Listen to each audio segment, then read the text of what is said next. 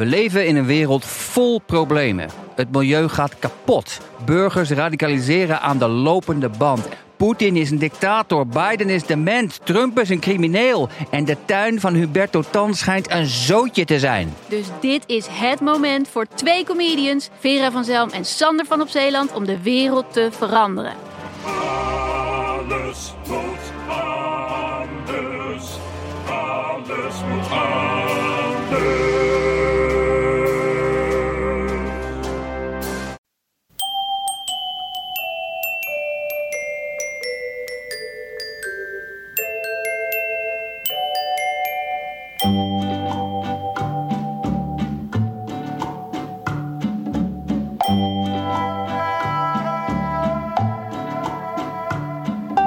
Welkom bij aflevering 67 van de Echt Gebeurd podcast, waar echt gebeurde verhalen worden verteld door de mensen die het zelf hebben meegemaakt. In deze podcast een verhaal van Joep van Deudekom. Het thema van de Echt Gebeurd middag was heimwee.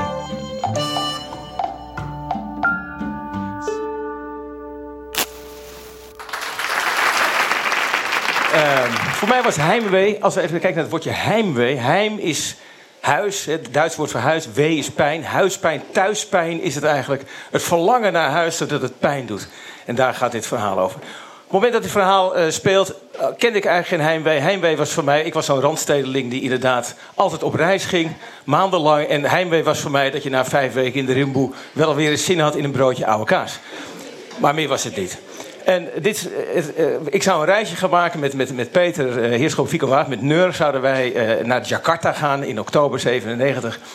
En ehm, dan speel je daar voor de Nederlandse gemeenschap. Hartstikke leuk. En het, het, het, reisje was al bijna een jaar van tevoren was dat gepland. En in de tijd dat we naar het reisje toe gingen... heb ik mijn oudste zoon verwekt. En uh, dat betekent dat hij ongeveer zes weken voordat wij op reis zouden gaan, geboren zou worden. Dus toen heb ik met mijn vrouw overlegd: ja, zal ik nou wel naar Jakarta gaan? Is dat nou wel een heel goed idee? En toen was mijn vrouw uiterst genereus. Die zei: Nee, natuurlijk moet je gewoon doen. Ik lig toch met dat kind aan de borst. En uh, weet je, ik heb, ik, heb, ik heb iemand die me voor me zorgt. En jij kan toch nog niet zoveel doen. Ga gewoon lekker met je vrienden naar Jakarta. En het is zo'n moment dat je weet. Je moet eigenlijk even doorvragen. Je moet eigenlijk gewoon dan als man zeggen: ben je gek? Ik ben er gewoon voor jou. Ik blijf thuis. Ik geef dat op. Maar ik had toch wel heel veel zin om naar Jakarta te gaan. En, en, en, en ik vond het ook vervelend naar Peter en Vigo, want die zouden er ook niet kunnen. Hè. Dat kon ik er ook voor mezelf een beetje moreel in de strijd werpen. En dus ik, eh, nou, eh, eh, Thijs werd geboren en het was met alles erop en eraan. Het was een ontzettend moeilijke bevalling. Met inknippen en tepelkloven en alles erop en eraan. Slechte nachten, een hormonale achtbaan, je kent het wel. En, en het, was eigenlijk, het was eigenlijk de hel. En ome Joep die ging zes weken later lekker naar Jakarta. En dan moet ik eerst zeggen, in Jakarta, dat, daar heb ik geen seconde kunnen genieten. Ik voelde me alleen maar schuldig. Ik verlangde alleen maar naar huis. En ik, ik, was er ook helemaal niet met mijn hoofd bij. En ik, ik, tenminste, dat zei ik tegen mijn vrouw als ik er elke dag belde. Want ik had een fantastische tijd in Jakarta. ik vergat zelfs soms te bellen. En het, maar ik, ik zat daar ook mee, want het stomme was, en daar kwam een beetje op de essentie. Ik voelde namelijk nog niet echt een band met mijn zoon. Hij was er nu zes weken. En ik, ik, ik had daar nog. Ik, ja, bedoel, het was bijzonder en het was een leuk mannetje. En, en, en het, het was allemaal natuurlijk wel heel apart. Maar ik voelde nog niet zo van zo'n zo'n band. En nou, we waren daar een dag of negen en na negen dagen uh, gingen we naar huis. En we hebben een tussenlanding op Kuala Lumpur. Dus ik denk, nou, het was half negen in Nederland. Ik denk, ik bel even naar huis. En, uh, dus, maar neem, niemand neemt op. Ik krijg de voicemail. Dat had je nog in die tijd. Gewoon zo'n zo'n voicemail-apparaat. Met zo'n, en... En ik denk, nou, die is vast even borstvoeding aan het geven. Dus ik bel over een half uurtje, we zijn hier al een uurtje. Bel ik nog een keer, dus een half uurtje later. Belde ik nog een keer. En toen uh, weer antwoordapparaat. En toen viel het me op, ik weet niet of mensen dat nog weten. Er was een wat, die piep was wat langer. En een lange piep bij een voicemail betekent dat er meerdere berichten op staan... dat die al een tijdje niet is afgeluisterd. En dat zat me toch een beetje dwars.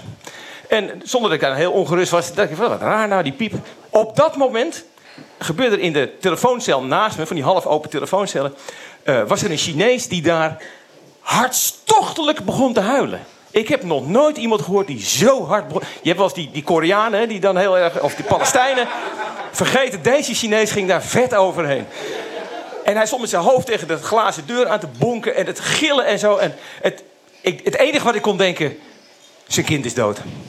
Die heeft net te horen gekregen dat zijn kind is overleden. En tegelijkertijd zat ik ineens kind overleden. Je krijgt ineens zo'n raar gevoel in je hoofd. Van, hé, wat, wat, wat raar, stommig. Ik moest het uit mijn hoofd zetten. En, maar intussen we in het vliegveld, eh, vliegtuig. En ik zit zo een uurtje of twaalf. Toch een beetje met een kleine knoop in mijn maag. Van, wat is er aan de hand? Waarom krijg ik het niet te pakken?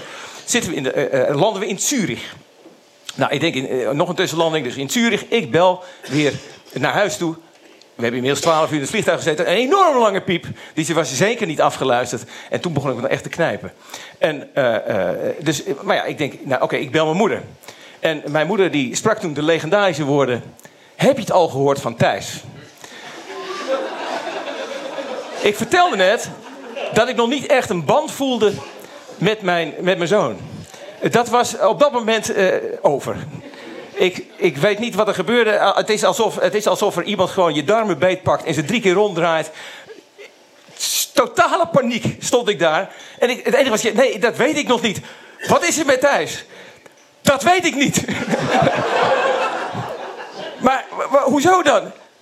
Hij ligt in het ziekenhuis. In welk ziekenhuis? Dat weet ik ook niet.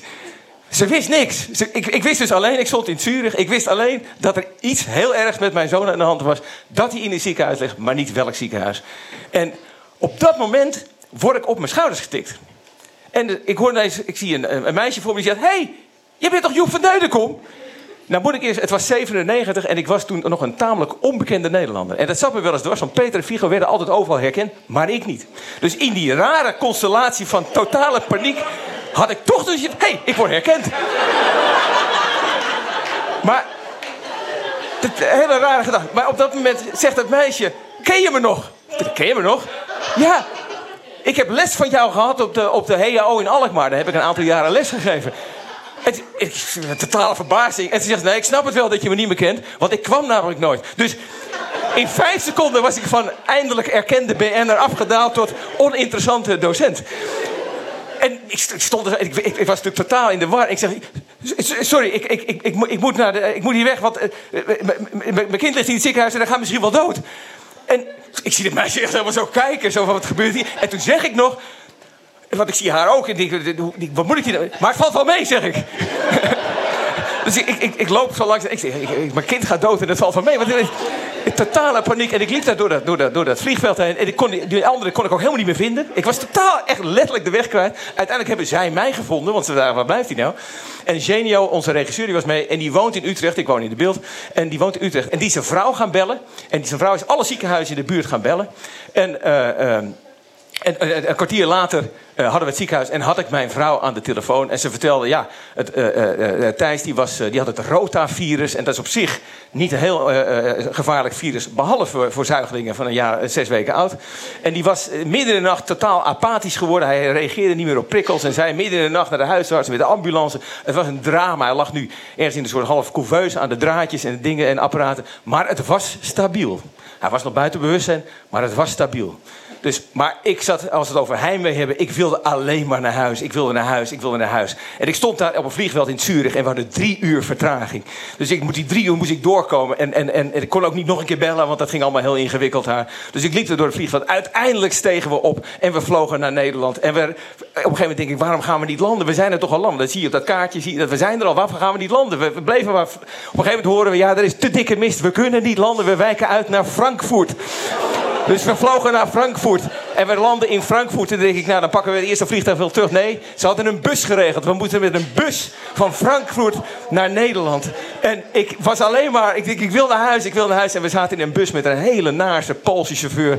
En, die, en, en drie zuigelingen die om de beurt gingen huilen. Die mij erop wezen dat ik nalatig was geweest naar mijn eigen. Ik voelde me zo verschrikkelijk schuldig. En toen kwam ik erachter, we kwamen bij Arnhem, kwamen we de dacht ik, oké, we komen over de A12. Dan stap ik er bij Driebergen uit. Dan heb ik een taxi, dan ben ik er zo. Dus ik probeerde het aan die Duitse, eh, aan die Poolse chauffeur uit te leggen. En die, no, nein, nein, zei hij. Elke keer zei, zei ik wat tegen hem, was, nein. Dat was het enige wat hij zei.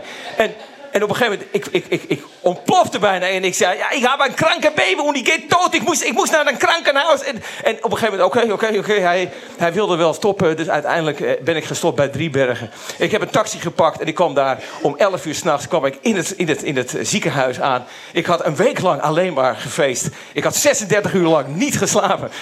Alleen maar, ik was werkelijk emotioneel en fysiek kapot. En ik sta, ik kom bij, die, bij die kamer en ik kijk zo door, het ruitje, kijk ik zo naar binnen. En ik zie daar, zie ik de couveuse met die haartjes van Thijs. Die had enorm veel haar. Die, die zag ik net zo'n plukje haar daarboven uitkomen. En mijn vrouw lag op een veldbedje, lag ze achter die couveuse, lag ze te slapen. En ik stond daar en ik moest alleen maar ontzettend huilen. Ik, dat, dat raam dat besloeg helemaal. Ik stond met mijn hoofd tegen het raam en de tranen liepen via via de deur naar beneden.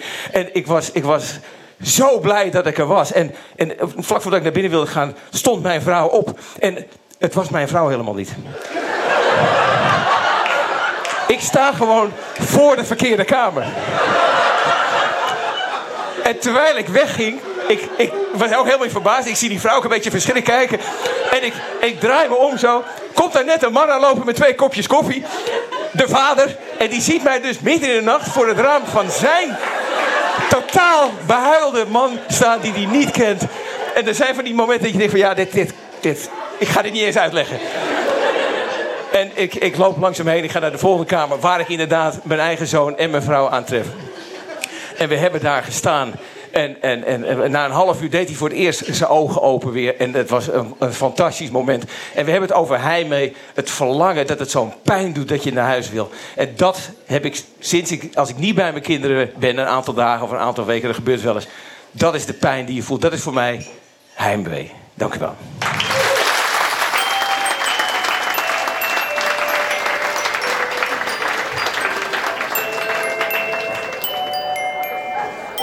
Dat was Joep van Deudekom, bij het grote publiek bekend van cabaretgroep Neur.